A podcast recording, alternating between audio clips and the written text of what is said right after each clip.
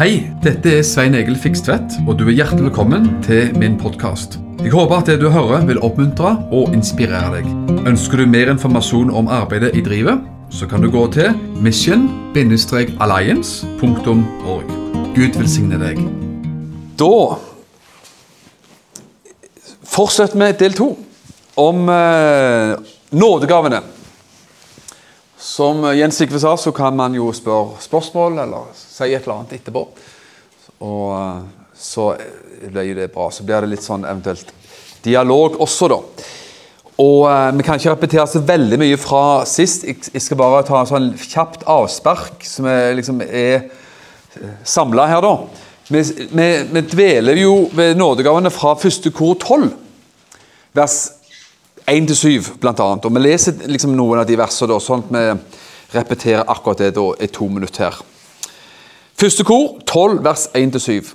Når det gjelder de åndelige gaver, brødre, vil jeg ikke at dere skal være uvitende. Med andre ord, vi må ikke være uvitende. Det er jo derfor vi er her, da, for å prøve å vite litt mer. Dere vet at mens dere var hedninger, ble dere dratt og revet med til de stumme avguder. Derfor kunngjør jeg dere at ingen som taler i Guds ånd, med andre ord i åndens gaver, da, sier 'forbannet er Jesus', og ingen kan si 'Jesus er Herre' uten i Den hellige ånd. Jeg liker å kalle det verset der for Jesus-testen. For alt det som Den hellige ånd gjør, og alt det som kommer måtte, gjennom åndens gaver, vil plassere Jesus der han hører hjemme. På førsteplass. Seierspallen. Altså, det bringer ære til Jesus, og det gjør Jesus til Herre, rett og slett. Vers 4. Det er forskjell på nådegaver, men ånden er den samme. Det er forskjell på tjenester, men Herren er den samme. Det er forskjell på kraftige virkninger, men Gud er den samme, Han som virker alt i alle. Men åndens åpenbarelse blir gitt til enhver til det som er ganglig. Altså, Åndens åpenbarelse det er jo også en annen måte å snakke om nådegavene på. Åndens åpenbarelse. Måter altså Den hellige ånd eller Gud åpenbarer seg på. Og det er altså til det som er ganglig. Det bygger opp, det utfører noe. Det, det, det river ikke ned og skaper elendighet. Det skaper veldig mye, mye, mye godt. Jeg må fortsatt ta med eh, første kor 12, nei, første kor 8-2. Et interessant vers som passer også inn i denne sammenhengen, selv om det hentet, jeg henter det ut fra en litt annen sammenheng. Første kor 8-2. Hvis noen mener at han vet noe, eller så det står i en annen oversettelse Hvis noen mener at han har kunnskap om noe, så kjenner han det ennå ikke slik. Han burde kjenne det. Altså Hvis vi mener at vi har kunnskap om noe, det har vi jo litt i hvert fall, så vet vi, vi vet ikke alt. Det er mer å hente. Og det er jo bra, vet du. Vi er ikke helt i mål. Vi kommer aldri helt i mål før på denne siden av himmelen og evigheten som sådan. Og så sa vi sist gang også, vi snakket om allerede her, lest allerede, at uvitenhet er tydeligvis Indirekte tales det i hvert fall om at det er et hinder for å oppleve mer av åndens gave. da, Uvitenhet. Han vil ikke at vi skal være uvitende. Nummer to eh, Det står også flere plasser da, i disse brevene og på disse plassene om at vi skal ha lengsel. Åndelig lengsel. Det å ha åndelig lengsel er en bra ting. Hvis jeg går for fort fram, så må det noen vifte med hendene her og, sånt. Eller protestere høylytt. Første kor 1231. Men søk etter de nådegaver som er de beste. Søk etter. Søk etter. Vær en aktiv søker. Men likevel skal jeg vise dere en mye bedre vei, og så snakker jeg da om dette med kjærligheten. Første Korinterbrev 14,1 også. Jag etter kjærligheten. Tenk at det er vårt jag, folkens. Vi jager etter kjærligheten. Alle av oss jager etter noe i livet. Du, du springer etter noe, du vil ha noe, du, du, løper etter noe. Løp etter kjærligheten, det var min oversettelse, da. Og søk med iver etter de åndelige gaver. Så, så, så iver og dette, denne åndelige lengselen betyr veldig, veldig mye, faktisk. Det må jeg bare si. Da skal vi skynde mer på, herrene. Gå videre. Og Da har vi lest allerede 1. Korinterbrev kapittel 12 vers 1-7. Så leser vi også 8-11, vers 8-11, så har vi hele lista her med oss videre. For til én ble det gitt visdomsord ved Ånden, til en annen kunnskapsord ved den samme ånd, til en annen tro ved den samme ånd, og til en annen nådegaver til å utføre helbredelser ved den samme ånd. Til en annen kraft til å gjøre undergjerninger, og til en annen profetisk gave til en annen å prøve ånder, og til en annen forskjellige slags tunger. Til en annen tydning av tunger. Tungetale, med andre ord. Men den ene og samme ånd virker alle disse forskjellige nådegavene og deler ut til hver enkelt slik han vil. Amen. Da har vi tatt en sånn kjapp repetisjon. Og Forrige gang så snakket vi vel faktisk tror jeg bare om, om visdomsord. Vi rakk ikke lenger, men da hadde vi litt lengre innledning. Men nå snakker og Visdomsord må vi ikke repetere, da, for da kommer vi aldri videre. Men vi skal snakke om kunnskapsord. Og hva er nå det? Vi leser det i første kor 12,8. Til den annen blir det gitt kunnskapsord ved den samme ånd. Jo, det er en overnaturlig åpenbaring av Guds kunnskap hvis vi skal gi en, prøve å gi en presis definisjon, en overnaturlig åpenbaring av Guds kunnskap. Du vet, Gud vet jo alt. Han, vet, han er allmektig og allvitende. Det er egenskap, egenskapene til Gud. Han vet jo alt. Du og meg vet ikke alt, og ikke kommer, kommer vi til å vite alt heller. I hvert fall ikke på denne siden av evigheten så vil vi vite alt. En vakker dag hjemme oss Gud så vil vi forstå fullt ut. Men nå forstår vi stykkevis, sier Bibelen. Og vi profeterer stykkevis. Og vi har kunnskap stykkevis, vi har visdom stykkevis. Og alt det der er stykkevis og delt. I himmelen så blir det jo fullstendig og helt. Men Gud vet alt. Og så ved kunnskapsord så meddeler Den hellige ånd et ord av kunnskap. Eller en liten bit av Guds uendelige kunnskap til oss som gjør at man får en ledelse av Den hellige ånd, og det skaper eh, ofte vei til forhelbredelse også. Kunnskapsord. Hvordan, hva er kunnskapsord? Jo, et strålende eksempel i Bibelen er Johannes 4, 16.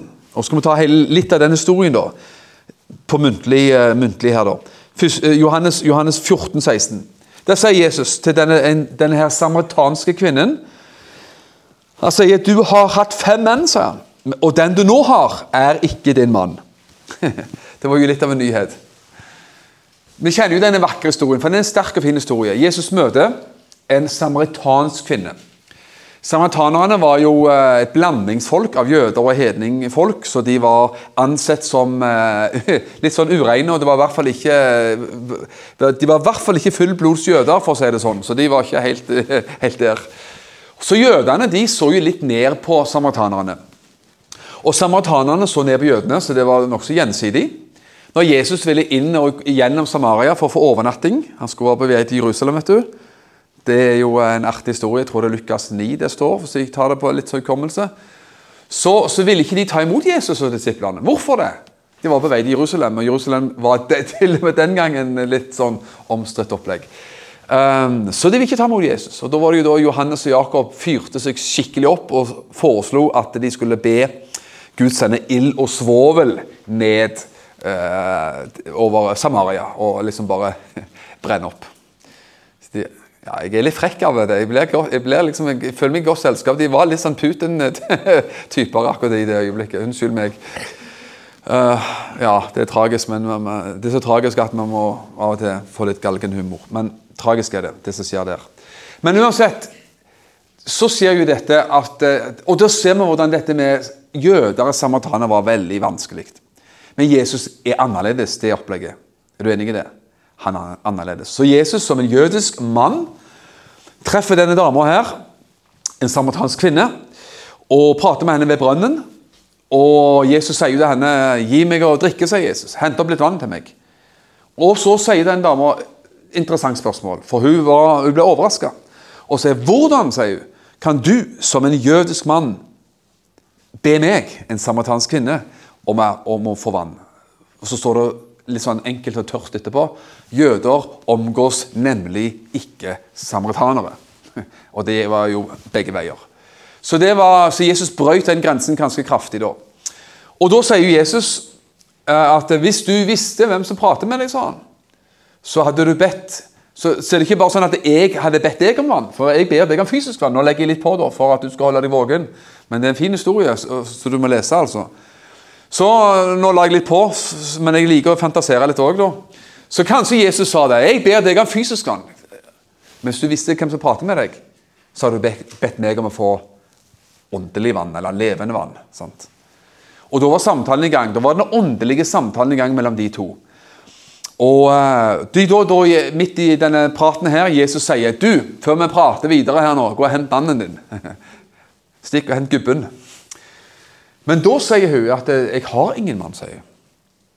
Og da sier Jesus det, det stemmer, sier Jesus, fordi du har hatt fem menn, og han du nå har, er ikke din mann. Så der talte du sant. Altså, Jesus har aldri møtt denne dama. Det er helt tydelig fra historien. Og hun sperrer øynene opp og sier at Ops, ops, du må være en profet, sier dama til Jesus. Du forteller med andre ord noe om et liv, åpenbarer noe om et liv som du overhodet ikke hadde noen naturlig forutsetning for å, for å vite. Det er kunnskapsord. Jesus åpenbarte noe, fikk kunnskap ved Den hellige ånd for å formidle det til denne dama. Og det åpna jo opp hennes hjerte. Det er du enig i? At da, da øynene og hjertet sperres opp. Og hun eh, fikk ut møte med Guds nåde og Guds tilgivelse og Guds kjærlighet og alt mulig. Sånn at denne historien ender jo fantastisk godt. Og det er jo det kunnskapsord er meint å gjøre. At eh, det, det, skal hjelpe mennesker. Det skal gjøre noe i menneskers liv. Og jeg tenker jo det at eh, Gud kan eh, men og det, styr, det, styres litt av oss, om du vil. For at vi er kalt til å begjære dette. Søke Gud for dette. Være hungrig og tørst etter, etter, dette her. Og vet du hva?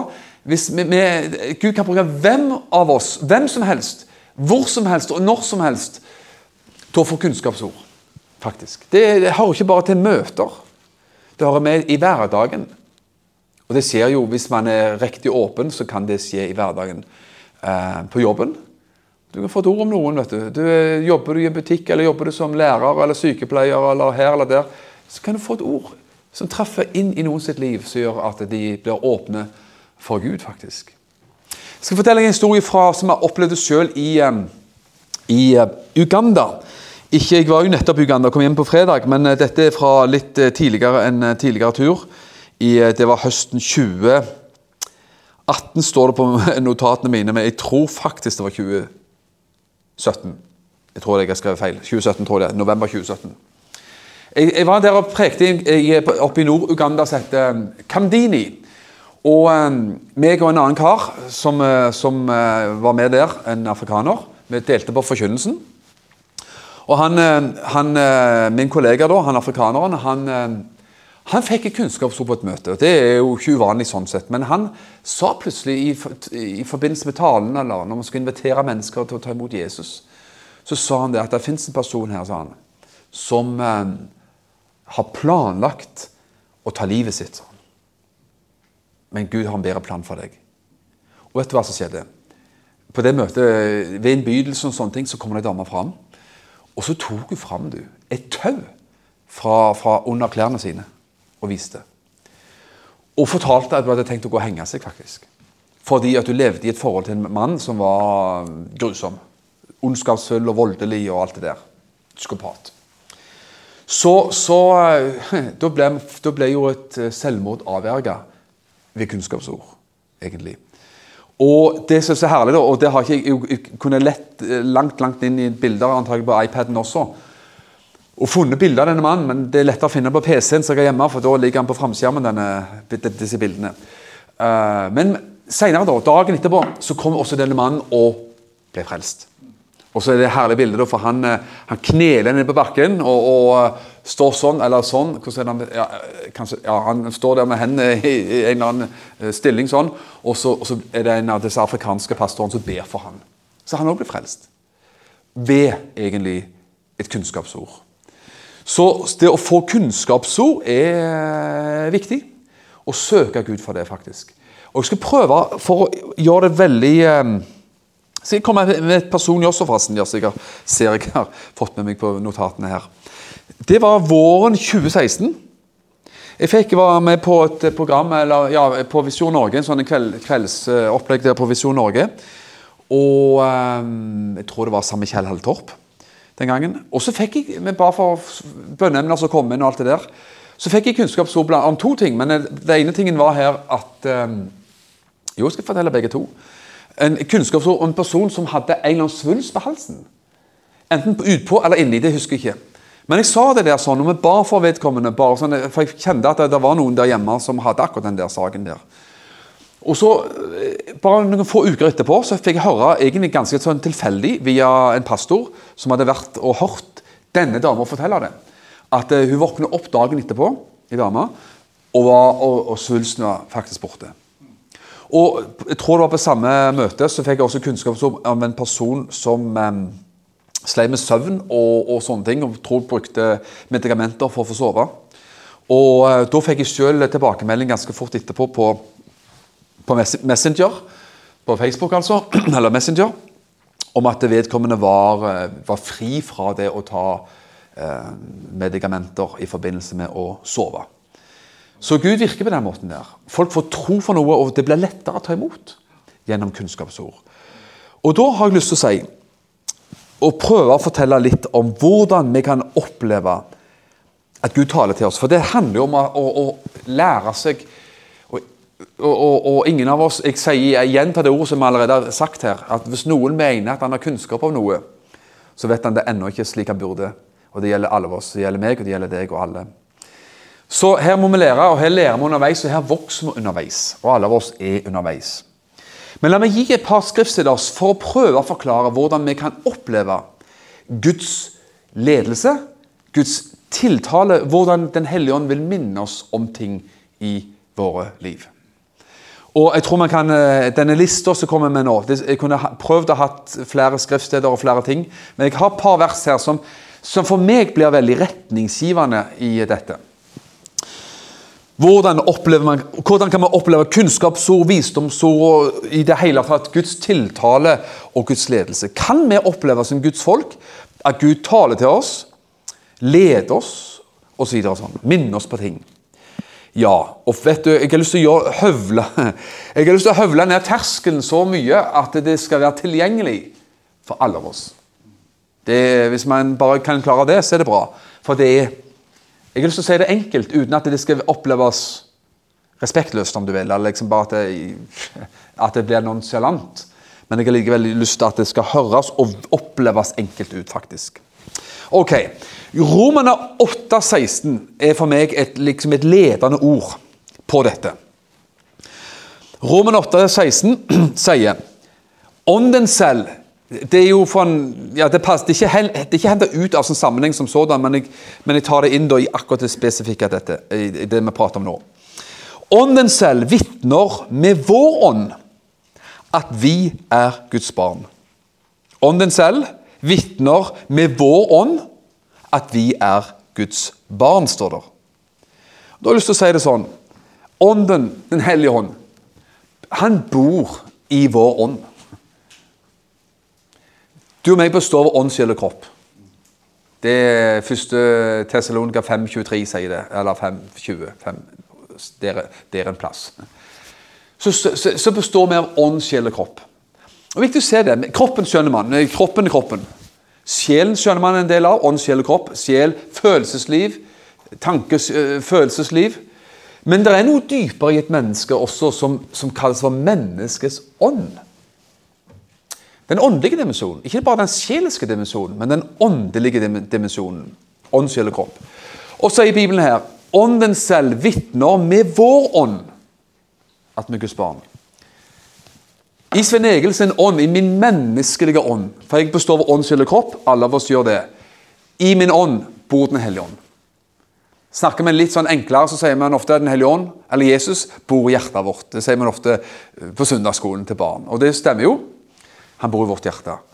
Hva mener man med det? Vi mener jo at han bor i vårt indre, i vår ånd. Og, og eh, så sier vi at Jesus bor i oss. Ja, han gjør det. Men eh, for å være enda mer korrekt og nøyaktig, det er Den hellige ånd som bor i oss. Jesus i egen person er jo ved Faderens høyre hånd i himmelen. Amen. Da har vi fått teologien eh, omtrent sånn spikra fast, tror jeg. Så Den hellige ånd, ånden selv vitner med vår ånd at vi er Guds barn. Altså, Da har jeg lyst til å si Hva er det ditt Hva sier ditt indre vitnesbyrd? Skjønner du eh, opplegget? Hvis Den hellige ånd bor inni meg, og hellige ånd bor inni deg, og vitner om at du er Guds barn hvor er da åndens vitnesbyrd henne?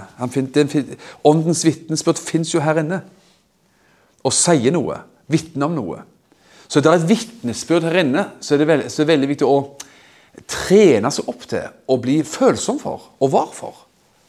Åndens vitnesbyrd i vårt hjerte. Og det kan man bekle med mange ting. Noen sier ofte på vitne om ting Jeg følte jeg, følte jeg ble, fikk en minnelse om noe. Jeg ble påminnet om noe. Jeg fikk en, liksom en innskytelse om noe. Er du med? Nå kan det også finnes menneskelige innskytelser på alt mulig. og Det jo, kan slå til av og til og ikke slå til. og Av og til gode innskytelser og ikke gode innskytelser. Men kan du tro at som Guds barn, Den hellige ånd bor i oss, så vil Den hellige ånd vitnesbyrd, Den hellige ånds innskytelse være der for å minne oss om ting. Og Da har jeg lyst til å oppmuntre deg til å jobbe med det, trene deg på det om du vil, og følge dine innskytelser. Uten å, uten å hva skal vi si, uten å um, risikere uh, gård og grunn. uten å risikere alt mellom himmel og jord. For du trenger ikke si alltid Herren har sagt til meg at du skal sant, At du går så veldig hardt uh, høyt på banen. Men du kan, hvis du kjenner en minnelse om at du skulle ringe noen, oppmuntre noen, en minnelse om at du skulle sende en melding til noen, en minnelse om at du skulle gi et vers til noen, en minnelse om en påminnelse om en innskytelse på noe, så er mitt spørsmål hva om det er Gud? Mens vi tenker ofte men tenk hvis det ikke er Gud? Det er typisk norsk, vet du. Negativt. Janteloven. Ja, men Tenk hvis det ikke er Gud. Men Hvorfor ikke snu på det og si Men tenk om det var Gud? Når jeg prøvde å For en del år siden, og jeg, igjen eh, Jeg trenger å bli mye mye flinkere på dette. Jeg husker jeg, jeg var en del år tilbake jeg, jeg, ba mye ved dette her og søkte Gud for dette og, og sa Herre, gi meg minnelser. La meg få et ord. La meg, la meg kjenne at jeg, jeg opplever dette, disse tingene her sånn. Så kjenner jeg ofte påminnelser på ting. Men jeg, tror det eller ei, jeg er nokså forsiktig og beskjeden type. Det er ikke alle som tror det når man står bak en talerstol. Men i alle andre sammenheng, eller mange sammenheng så er jeg ofte det. Sett meg bakerst, som han gjør som en god nordmann. Så, så kjenner jeg stadig på, sånn, ofte påminnelser. Så vågte jeg gjerne ikke å gå ut på det og liksom, satse på det, og tro på det og handle på det. Så, vil, så, så jeg igjen og igjen, igjen ofte i møtesammenheng at noen vitner om at de, de, hadde det problemet, eller de, de, de, de ba forbund for det. Så tenkte jeg men det er akkurat det jeg har fått påminnelser om i møtet. Jeg fikk igjen igjen stadfestelse, og jeg fikk lyst til å bare smikke meg på hånda og slå meg på munnen. Altså, for dette, å bli irritert på meg sjøl når det betyr at du blir litt, litt, mer, litt mer uforsiktig, litt mindre forsiktig og litt mer formodig. Og da har jeg lyst til å formidle til deg i dag at du skal våge å gå på det. For du trenger ikke si jeg har fått et profeti, jeg har fått et kunnskapsord, jeg har fått en visdomsord, jeg har fått ditt og datt. Du kan egentlig bare følge din indre vitnesbyrd, åndens vitnesbyrd, og gå på det. Og så lærer man også litt underveis, ser du, hvordan eh, hva som, var, hva som, var, meg og mine forutinntatte meninger og, og tenk, tanker, og som var åndens vitnesbyrd. Skal få, noen, skal få et vers til, kanskje to. For nå stopper vi litt opp, da. Eh, vi tar jo nådegaven videre her nå. Men kanskje stoppe opp, sånn at ikke bare det man ramser ramse opp ni nådegaver i, i, full fart, men prøve å Det er det som er poenget. Det er det vi vil. Hvis vi bare vet om dette på et papir Skriv gjerne ned og noter. Jeg tror på sånt. sant? Men du er enig i det at hvis vi bare har det på papir, og det aldri blir noe mer enn et papir, så var det jo litt dumt likevel. Så et annet vers. Første Korinterbrev, kapittel 2, vers 9-10. Første kor, vers 2, kapittel 2, vers 9-10. Men som det, står, som det er skrevet, står det Det øyet ikke har sett, og det øret ikke har hørt, det som heller ikke kom opp i noe menneskes hjerte, det som Gud har forberedt for dem som elsker ham. Altså, Gud har forberedt noe. Det som ikke kunne komme opp i vårt menneskelige fantasi osv. Så sånn, altså, tenke oss til og gruble oss til og, og, og, og fundere oss fram til. Det har Gud forberedt. Og så står det Hva er det da Gud har forberedt, og hvordan skjer det? Vers 10. Men Gud har åpenbart det for oss ved sin ånd. Ånden ransaker alle ting, ja, også Guds dybder. Altså, Gud har åpenbart det for oss ved sin ånd. På hvilken måte? Jo, det som ikke kunne komme opp i våre tanker, våre syn, våre ører og vår fantasi. Det som ikke liksom bare man kunne bare tenke ut og gruble oss fram til. og sånt. Det kommer på en måte på en litt annen måte. Men et ord fra Gud vil jo nå vårt sinn. Det, altså det kommer gjennom, Hvis jeg kommer med et kunnskapsord eller profetisk ord, så kommer det gjennom mitt sinn og min munn. Jeg husker for noen år siden jeg gikk og ba eh, Det var mens jeg jobbet i eh, Misjonskirka. Jeg gikk og ba eh, på et rom der han, eh, før jeg skulle inn på kontoret. Og eh, hadde litt sånn tid og fram og tilbake og ba. Og så, sa jeg det, så skulle jeg prate med en person. Eh, ha en samtale med en person eh, rett etterpå. Så sa jeg det eh, Dette var ei dame som jeg skulle prate med. Og så sa jeg bare til Herren det sånn at Herre, er det noe du vil jeg skal si til vedkommende? Og som egentlig bare som lyn fra klar himmel. Og det var det at jeg ikke kunne, jeg, kunne ikke, jeg tenkte ikke ut det i det hele tatt. Jeg bare sa det sånn, og så med en gang så kom det bare denne her innskytelsen, vitnesbyrdet eh, Hva skal vi kalle det? Innfall? Anfall? Hva skal vi kalle det for å gjøre det rett? Det kom bare til meg. Si til vedkommende at du ikke skal være bekymra for sine barn. Akkurat det jeg fikk. Verken mer eller mindre. Sånn er, så enkelt er det. Og en sånn en setning Og så sier det til vedkommende. sant? Sa det til vedkommende. Og det treffer. Man har gått på, på bekymring, og så får jeg det Jeg følte på det at jeg skulle si til deg når jeg ba og spurte Herren, at du ikke skulle være bekymra for barna dine. Så kan du bare tenke deg hva det gjør. Et rett ord til rett person i rett tid. Og hvor styrkende, oppmuntrende og forløsende det er. Sant? Og da tenker jeg på det at vi skal våge og det, det kom ikke opp i, altså, Menneskelig sett så kom ikke det opp i meg. vet du. Eh, det var bare liksom pang der. Sto det til. Og da tenkte jeg det er fra Gud. Og da våger man å gå nettopp på det. Og vet du hva, Vi kan vokse i det. og det er her man skal, Når vi snakker om nådegavene, så skal man det er så mye hva skal man si, det er så mye redsel av og til, for at man er så redd for å gjøre feil. Og så blander man litt, og så er man liksom litt der at tenk hvis det er feil, og tenk Tenk hvis jeg har blitt en falsk profet. Men skjønner, Det å være falsk profet det er en annen kategori ifølge Bibelen. I Gamle Gammeltestamentet osv. En falsk profet, ja. En falsk profet i Det gamle testamentet var en person som ledet folk bort fra Gud.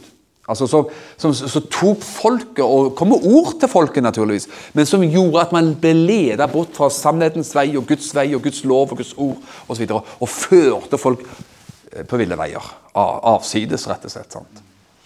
Så, så falsk profet er først og fremst i hovedsak et begrep som fins i Gammeltestamentet. Det står nå, Det var veldig til vi skulle snakke om dette akkurat nå. Det, vi skulle snakke om profetier senere, da, men likevel. Jeg tar det visstnok nå. Skal vi se, Første Tessalonikerbrev. Bare for å slå i hjel, for å avlive liksom, noen sånne redselsmyter uh, om at man er så livredd for å gå feil. Det går an til og med å si til personen at uh, kanskje jeg tar feil, kanskje, men, men uh, jeg fikk lyst til å si det og det til deg. liksom. Kanskje det var meg. Ja, vet du hva? Hvis det bare var deg og ikke Gud, så var det ikke så verst allikevel, skjønner du. Du er ikke så, du er ikke så gal. altså, Tenk seg bare meg. Ja, men hvis det var et godt ord, så var det ikke så galt. Skjønner du det? Om det ikke var liksom rett fra himmelen og liksom engelen Gabriel hviska i, i, øret ditt, så, så kommer du med et godt ord til noen, skjønner du. Så Om det var bare at du tenkte det ut sjøl, så var det et ord fra Gud. Hvis det var et bibelvers. Eller en god hilsen eller et godt ønske. Så ikke vær så redd for at det, er det Gud eller meg. Ja, kanskje er det begge to. Ånden selv vitner vår ånd at vi er Guds barn. Altså, Det kommer gjennom oss. Det er poenget mitt. Jeg håper jeg klarer å uttrykke meg eh, brukbart. Skal vi se. Første Testalonika 5, vers 20 står der. Vers 19 må vi også ta. Første Testalonika brev 5, 19 og et par, tre vers. Utslokk ikke ånden, står der. Et rart ord. Utslokk ikke ånden. Det betyr jo at det, det går an å utslokke åndene. Slokke ut ånden. Ja vel. Det må vi ikke gjøre. Forakt ikke profetier. Nå snakker vi ikke direkte profetier, men snakker om kunnskapsord og visdomsord. Men eh, det, de henger jo sammen. Forakt ikke profetier, så står det prøv alle ting. Hold fast på det som er godt. Og avstå, og avstå fra enhver form for ondskap. Prøv alt. Forakt ikke profetier, men prøv alt. Og hold fast på det gode. Du, du, måten man får oppleve disse tingene på, eh, det, er egentlig å gjøre det litt eh, Gjøre det tilgjengelig. Og gjøre det litt menneskelig også. Er du klar over det? Hvorfor det? Jo, for det er samarbeid mellom oss og Gud. Det er samarbeid mellom oss og Den hellige ånd. Det, det, vi kan aldri komme forbi det. Du, du skjønner, du, du, Når man blir brukt av Gud på sånne ting, og sånt, så, så er det, man sitter i liksom ikke en transe og ruller med øynene og, og, og skummer rundt munnen liksom, og er helt der. Man er ikke der. Det er samarbeid mellom oss og Gud. Enormt viktig å skjønne det. Så jeg har lyst til å, å, å, å høvle meg ned terskelen og gjøre sånn at man våger å prøve seg og våger å tro at Gud kan og vil bruke, skjønner du. Så er man eh, et godt stykke på vei. Du tok en liten avstikker her nå, men uh, vi skal likevel uh, Vi må gjøre det, vi gjør jo det, for jeg tror det er bra. Hebreerne 6. Skal vi se her, hvis jeg bare fant hvor det var. Der har vi det. Der, ja. Hebreerne 5, for å være eh, mer ordentlig og korrekt.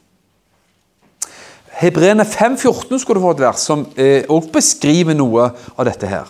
Her står det men fast føde, sier han. Han snakker om at dette må være åndelig moden, åndelig umoden. Det å, liksom, om man har vokst åndelig da. Og det har jo med at man lever et liv med Gud og leser Guds ord og, og vokser åndelig. rett.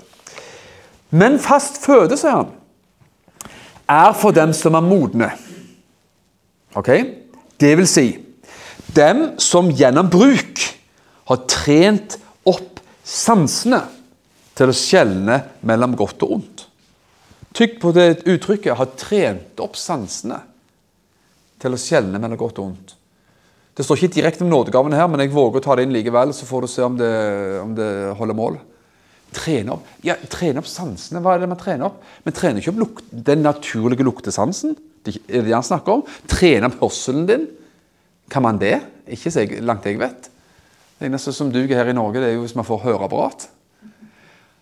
Han snakker om å trene opp sine indre sanser. Jesus sa 'den som har ører, han hører'. Når, når, ja, det sa Jesus. Han sa den som har øyne så, den, Han snakker om å ha indre øyne som ser. Den som har ører, han hører hva Ånden sier til menigheten. I hvilke ører snakker man nå? Vi snakker ikke om disse her, vi snakker om det indre, indre uh, mottakerapparatet.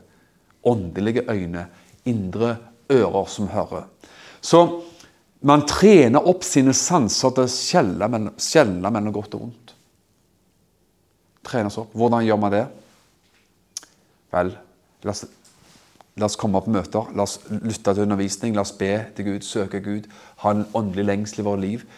Uh, hvordan blir man en moden person? Åndelig talt, da. Man spiser, og man, uh, og man uh, jobber. Man spiser, og man praktiserer. Spis Guds ord, spis i det åndelige fellesskapet, spis og lev i bønn osv. Og, og så må man praktisere leve ut det man har lært. Så at man ikke blir en, bare en glemsom hører, men en gjerningenes gjører, sier Jakobs brev. sant? Altså, Man gjør Guds ord, lever Guds ord, det settes ut i armer og bein i våre liv. da. kolossalt viktig. Ok, nå ble det plutselig fire skriftsteder her da, som forklarer eh, hvordan man kan oppleve nettopp dette med å lytte til Gud, høre til Gud. Jeg vil oppmuntre deg sterkt til å be mye om det og si Herre, tal til mitt hjerte. Gi meg påminnelse om ting. Gi meg påminnelse om ting. Du kan til og med spørre, du, være så uh, enkel og barnslig som du kan. Hver dag sett deg ned eller stå eller gå eller hva som helst og si Herre, er det noen i dag du vil jeg skal ringe? Er det noen i dag du vil jeg skal sende en melding til? Er det noen du, du, du i dag vil jeg skal be ekstra for? Så kommer det ting til hjertet ditt, og så begynner det der. Så begynner Det der. Det begynner liksom i det enkle lille, om du vil. Men det er ikke så enkelt å lite. For om du får bare et lite ord, en liten setning, så du er leder på, så har en eksplosiv kraft for noen. Et ord kan avgjøre kolossalt mye i en persons liv. Og Hvis jeg spurte deg nå har, no, har, noen noen gang gitt deg et ord i rett tid som bare liksom brøyt mørke eller motløshet, eller virkelig bare var det ordet du skulle ha den dagen eller den, for den perioden i livet ditt, så tror jeg at veldig mange ville rekke opp hånda på det, eller eh, nikke gjenkjennende på det. Og det er sånn det virker. Så vi er nødt til å bare kjenne på dette her, at det, det som kommer til vårt indre Ånden, Den hellige ånd, vitner med vår ånd at vi er Guds barn. Den hellige ånd vitner med vår ånd om sånn, sånn, sånn og sånn og sånn og så videre. og sånn. Viktig. Ok, Da tror jeg vi skal gå, i hvert fall ta med én ting til her i dag. Tro. Da står det jo det, vet du. Um, vi, har, vi har, jo allerede lest den lista da, i første kor 12, fra vers 7 og 8 og utover der. Til noen blir det gitt, står det, en spesiell tro, står det. Vers 9. Første kor 12, 9. Til en annen tro ved den samme ånd, står det. Da liker jeg, for, at, for jeg tror det mer, blir mer korrekt og klargjørende, det så enkelte andre oversettelser sier. Jeg bruker jo denne her, New King James og Bibelen Guds ord-oversettelsen. Uh, 1978-oversettelsen og 2011-oversettelsen bruker et fint uttrykk som sier en særskilt trosgave. Eller spesiell trosgave. Altså, man får rett og slett en spesiell trosgave. Og hva er nå det? Jo, for det første må vi jo si at det er alle oss som er her, som er frelst, tilhører Jesus, er kristne, har jo tro. Hvis du ikke har tro, så er du ikke frelst, for du, man blir frelst ved tro. Så, så, du må ikke aldri si at du ikke har tro, for du har tro. Hvis du ikke har tro, ja, men da er du ikke frelst, da, stakkar deg. Men du er jo frelst, og du har tro. Du har tro på Jesus. Så skulle du sikkert ønske, og jeg skulle ønske at vi hadde større tro og mer tro, og sånn og sånn, men vi har tro fordi at man er jo frelst. Så vi er jo frelst, og vi har på den måten alle av oss en generell tro. Og måten vår tro på den måten eh, vokser på Hvordan vokser jo? Vi snakket om åndelig vekst nettopp. Måten vi vokser på, er jo å spise denne boka her. vet du.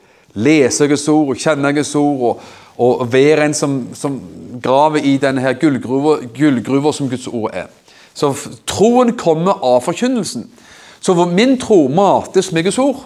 Min tro mates med bønn, og min tro mates ved de hellige samfunn. Det er klart. I gamle dager så snakket man om fire b-er. Bibel, bønn, broderfellesskap og brødsbrytelsen. Det var de fire b-ene, vet du, som er sånn fire bein på en stol. ikke sant?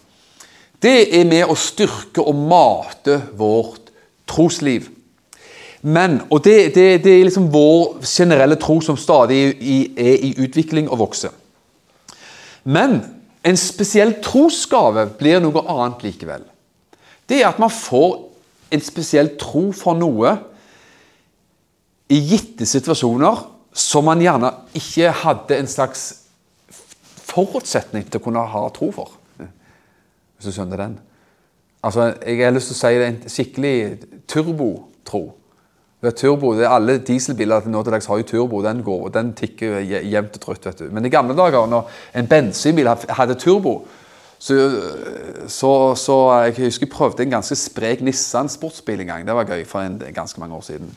Og da var det jo sånn at Den ble jo forvandla fra å være en, en, en, alminnelig Nissan til å komme opp i tre, kanskje det var 3000 omdreininger. Så, så ble jo det forvandla til et monster. veldig fort. altså, For da, da slo turboen inn. Nå slår jo turboen inn nesten fra null av. Null. Snakker jeg over hodene på folk her nå? Jeg vet at noen er veldig bil... bil ja, skal, nå, ja, nå skjønner jeg enda mer. Nå må jeg passe meg, virker så jeg, så jeg eh, ikke får slakt. Jeg kommer med vranglære her nå. Jeg snakker med, jeg ga jo fagfolk her i mengdevis, skjønner jeg plutselig. Men, men eh, jeg, jeg, tror jeg skjønner såpass at en, en vanlig bil nå til dags, en dieselbil har turbo som går på ganske fort. og så Derfor er det veldig jevnt. I gamle dager, så på en viss turtall, så, så skjøt den veldig på det, og du fikk en kraftig skyv i bilen på, på, eh, i gamle dager. Og jeg, Det er liksom bare et bilde da, på, på dette med troskapet. at Gud kan gjøre det. At Min tro er sånn og sånn, min tro har begrensning. Jeg tror på Gud, jeg tror på Bibelen. Og Så skulle man ønske man hadde større tro og tillit og formodighet og djervhet i gitte situasjoner. Men når de gitte og krevende situasjonene kommer, så kan Gud gi en turbotro. En særskilt trosgave som manifesteres. Som gjør at du har tro likevel. Selv om du før den situasjonen oppsto, ikke hadde tro. For Gud la på en turbo. Turboen slo på ettersom Den hellige ånd altså da ville det. Og Det tror jeg er et greit eksempel på dette med trosgave. At noen, og Det ser ut til at noen har en spesiell tro. Og Jeg skal ikke si om det er trosgave eller ikke, men noen har en helt spesiell tro på visse ting. faktisk. Også innen helbredelse, og det har med helbredelsesgavene også å gjøre at man har bare på visse områder, i visse sykdommer, visse situasjoner, så har man en nesten sagt utvikla tro og spesialisttro som gjør at på disse områdene så, så har man bare liksom en, en, en, sterk sterk tro på at ting går igjennom på en veldig på sånn, nesten sagt, sprø måte, faktisk. Og Det er jo det som er så fantastisk med det å kunne få lov til å vandre med Gud, at det fins en sånn type liv som finnes hos oss, hos Gud, altså. F.eks. hvis man skulle være i en veldig fare i et annet land på misjonsmarken og være i en spesiell fare, farlig situasjon som, som skulle tilsi at man uh, ville nesten bli sprø, så kan Gud komme der med en å, fullstendig overnaturlig fred. Og tro og fred henger veldig sammen, for Bibelen snakker om troens hvile. Du får en sånn overnaturlig hvile som gjør at du kan hvile deg igjennom, slappe av igjennom og tro igjennom noe som du skulle nesten blitt sprø av. Det er fantastisk. Et eksempel tror jeg da, det er Daniel i 'Løvens hule'. vet du. Det er mer enn en søndagsskolefortelling på en flanellograf. Det er en sann historie. Og det er en historie som, eh, som Daniel han opplevde i hvert fall at han ble berga av Gud. Og, og, det ser ut som at han hadde, han hadde roen og troen i den umulige og helt sprø situasjonen som det faktisk var. Så på den måten så er troens gave noe som er bare fantastisk for hver eneste en av oss. altså. Troens gave. Vi kan si noen få ord om helbredelse, så skal vi avslutte ganske, ganske snart. Men vi kan begynne litt på helbredelse også. Troens gave har vi sagt om. Vi har sagt om visdomsord, kunnskapsord. Vi har sagt om eh, troens. Og så har vi jo vært litt innom da, hvordan vi kan oppleve åndens gaver i, i våre liv. Så når du begynner å følge dine påminnelser og dine innskytelser fordi at din dine innskytelser du ønsker å bli brukt av Gud det, det, det er ikke for å ta æren sjøl, sånn, men du ønsker å bli brukt av Gud, så skal du våge å gå på det.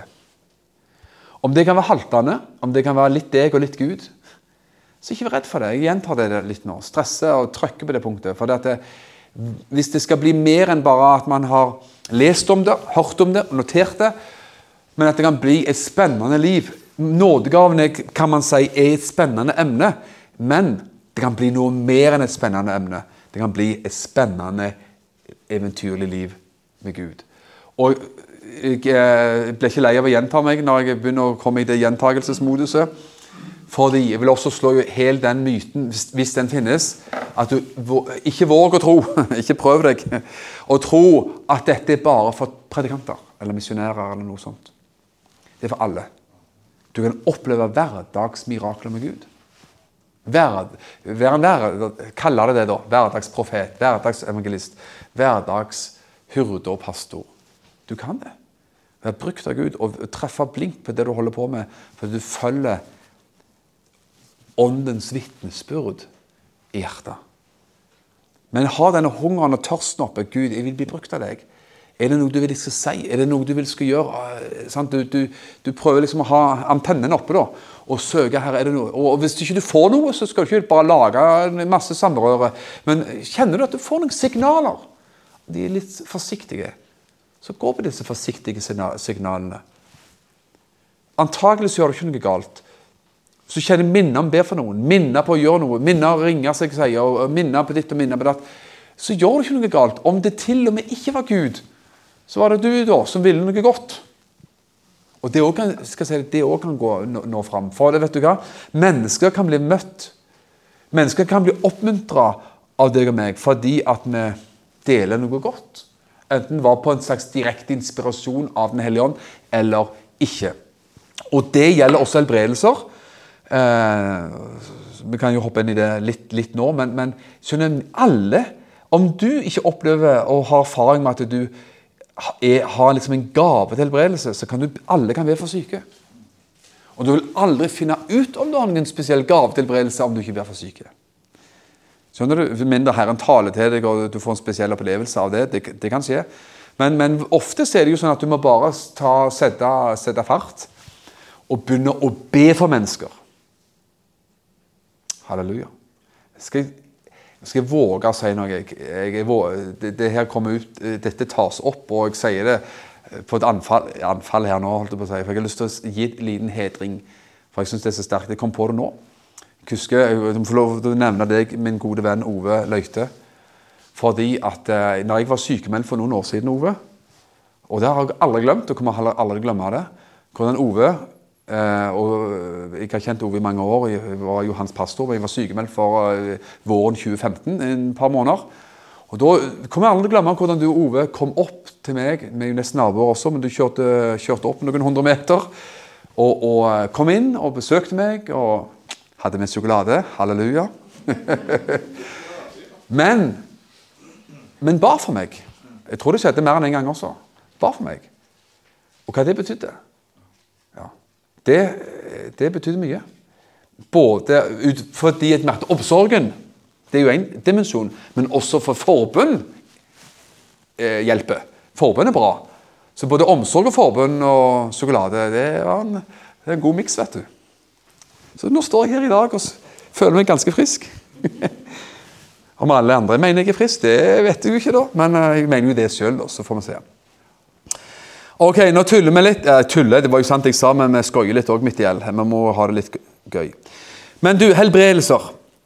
Poenget mitt i det jeg sa her nå, det var egentlig hvor viktig det er. Tenk at man bare følger som Ove gjorde den gangen der. sant? sant?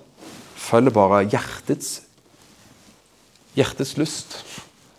Det trenger ikke være verre enn det. Ja, Beklager at jeg gjentok meg enda en gang. Hjertets lyst, hjertets begjær, hjertets ønske. Der kommer du veldig langt med. Ja. Ok, skal vi si noen få ting, og så skal vi sparke videre fra, på dette med helbredelser eh, neste gang jeg ser klokka, klokka har gått. Men likevel. Helbredelser. Helbredelsesgaver. Å betjene syke har jeg kalt det. Jeg har lagt bare sånn en eh, linje av definisjon. Helbredelser. Å betjene syke mennesker med Guds helbredende kraft. Er du med på at det er en grei definisjon? Å betjene syke mennesker du, disse syke som trenger helbredelse, betjener syke mennesker med Guds helbredende kraft. Ja vel. Hvordan gjør man det? Jo, man legger eh, ofte De som tror står i Bibelen, skal legge hendene på de syke, og de skal bli friske. Så det man vanligvis gjør, vet du, man legger hendene på syke, og så ber man for mennesker. Hvis de kan få lov til å gjøre, som sagt, høvle ned terskel og avdramatisere og gjøre dette menneskelig, så er jeg ganske fornøyd, faktisk. Og jeg, jeg, jeg, har lyst til å gjøre dette med bønn for syke veldig enkelt. For det står i Markus 16, Markus' sin eh, versjon av misjonsbefalingen, så sier Markus at den som tror, disse tegn skal følge deg som tror. De skal legge hendene på de syke, og de skal bli friske. Og hva er da kvalifikasjonen, kjære venn? Jo, for at du skal få oppleve helbredelser, da, så må du finne for Nummer én finn en syk. ok, det er liksom eh, nummer én. Du må finne en syk person. Og vet du hva? Det er ikke vanskelig. Det er så mange syke folk, vet du. Beklager. Jeg, jeg, nå blander jeg litt, litt inn sånn litt humor her, kanskje, men jeg, det tåler du. du. Du må bare tåle det. Åge Samuelsen han er jo død for mange år siden, men han var jo en moromann og en radikal og alt mulig. Det står i Jakobs brev at det er noen blant dere syke, står det. sant? Skal han tilkalle seg menighetens eldste. Men Åge Samuelsen han sa hadde det vært skrevet i dag, så, han, så, så sa Åge det at da, hadde, da hadde det stått er noen blant dere friske. Han mente det var så mange syke og så få friske at, at i vår tid så ville man snudd om på det. da, Men det var bare Åge Samuelsens humor. Men vet du hva? Kvalifikasjon nummer én Finn en syk. Ikke så vanskelig. Nummer to Har du hender? Den som tror, skal legge hendene. så det, det er liksom en kvalifikasjon til at du må ha hender. Hvor mange har hender? Én eller to? Alle har to hender her. Sant? Ok, Du finner syk, du har, du har uh, to hender, og så har du én ting til. Én til ingrediens. Du har tro. Du har tro. Den som tror. Disse tegn skal følge den som tror. Så du har tro i hjertet, du har to hender, og så må du finne en syk person, og så er du i gang. Er det greit? Er du, er du kvalifisert? Skal jeg si deg en ting? At det er veldig mange mennesker som har blitt kjent for dette med helbredelse. De noen av de forteller samme historie, og de sier at de fikk en sånn lengsel, en sånn en glød og nød for å be for syke. De måtte bare. Men de måtte bryte grenser. De måtte, måtte bryte grenser. Alle av oss må det. Kanskje man våger å be for en syk i bibelgruppa, husgruppa, lite møte, og man har fremodighet på det. Men går du utover at du vil be, legge inn på noen ute på gater eller på arbeidsplassen, eller sånt, så, så trenger du kanskje større dose fremodighet. ikke sant? Men, men, vet du hva? veldig mange av de som er kjent for å ha bedt mye for syke, de, de kan si at de ba kanskje for, i månedsvis for mennesker. I mengdevis uten at de så resultater. ikke det merkelig? Men de ga ikke opp.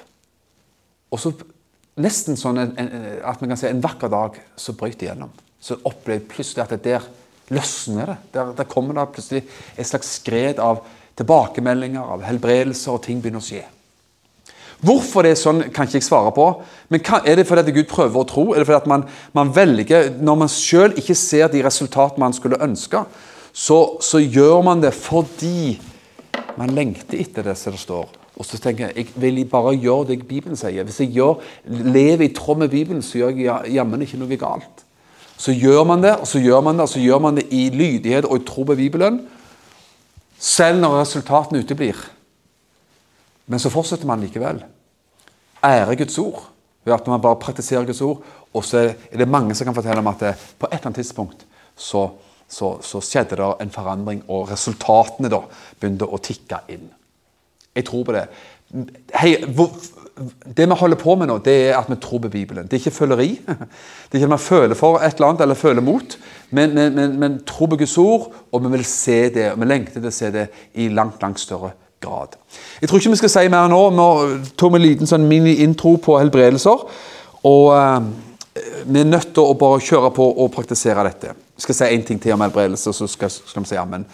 Når vi ber for syke, skjønner du, så er det jo sånn alle, opplevd, alle av oss har opplevd det at man ser mennesker sikkert bli helbredet.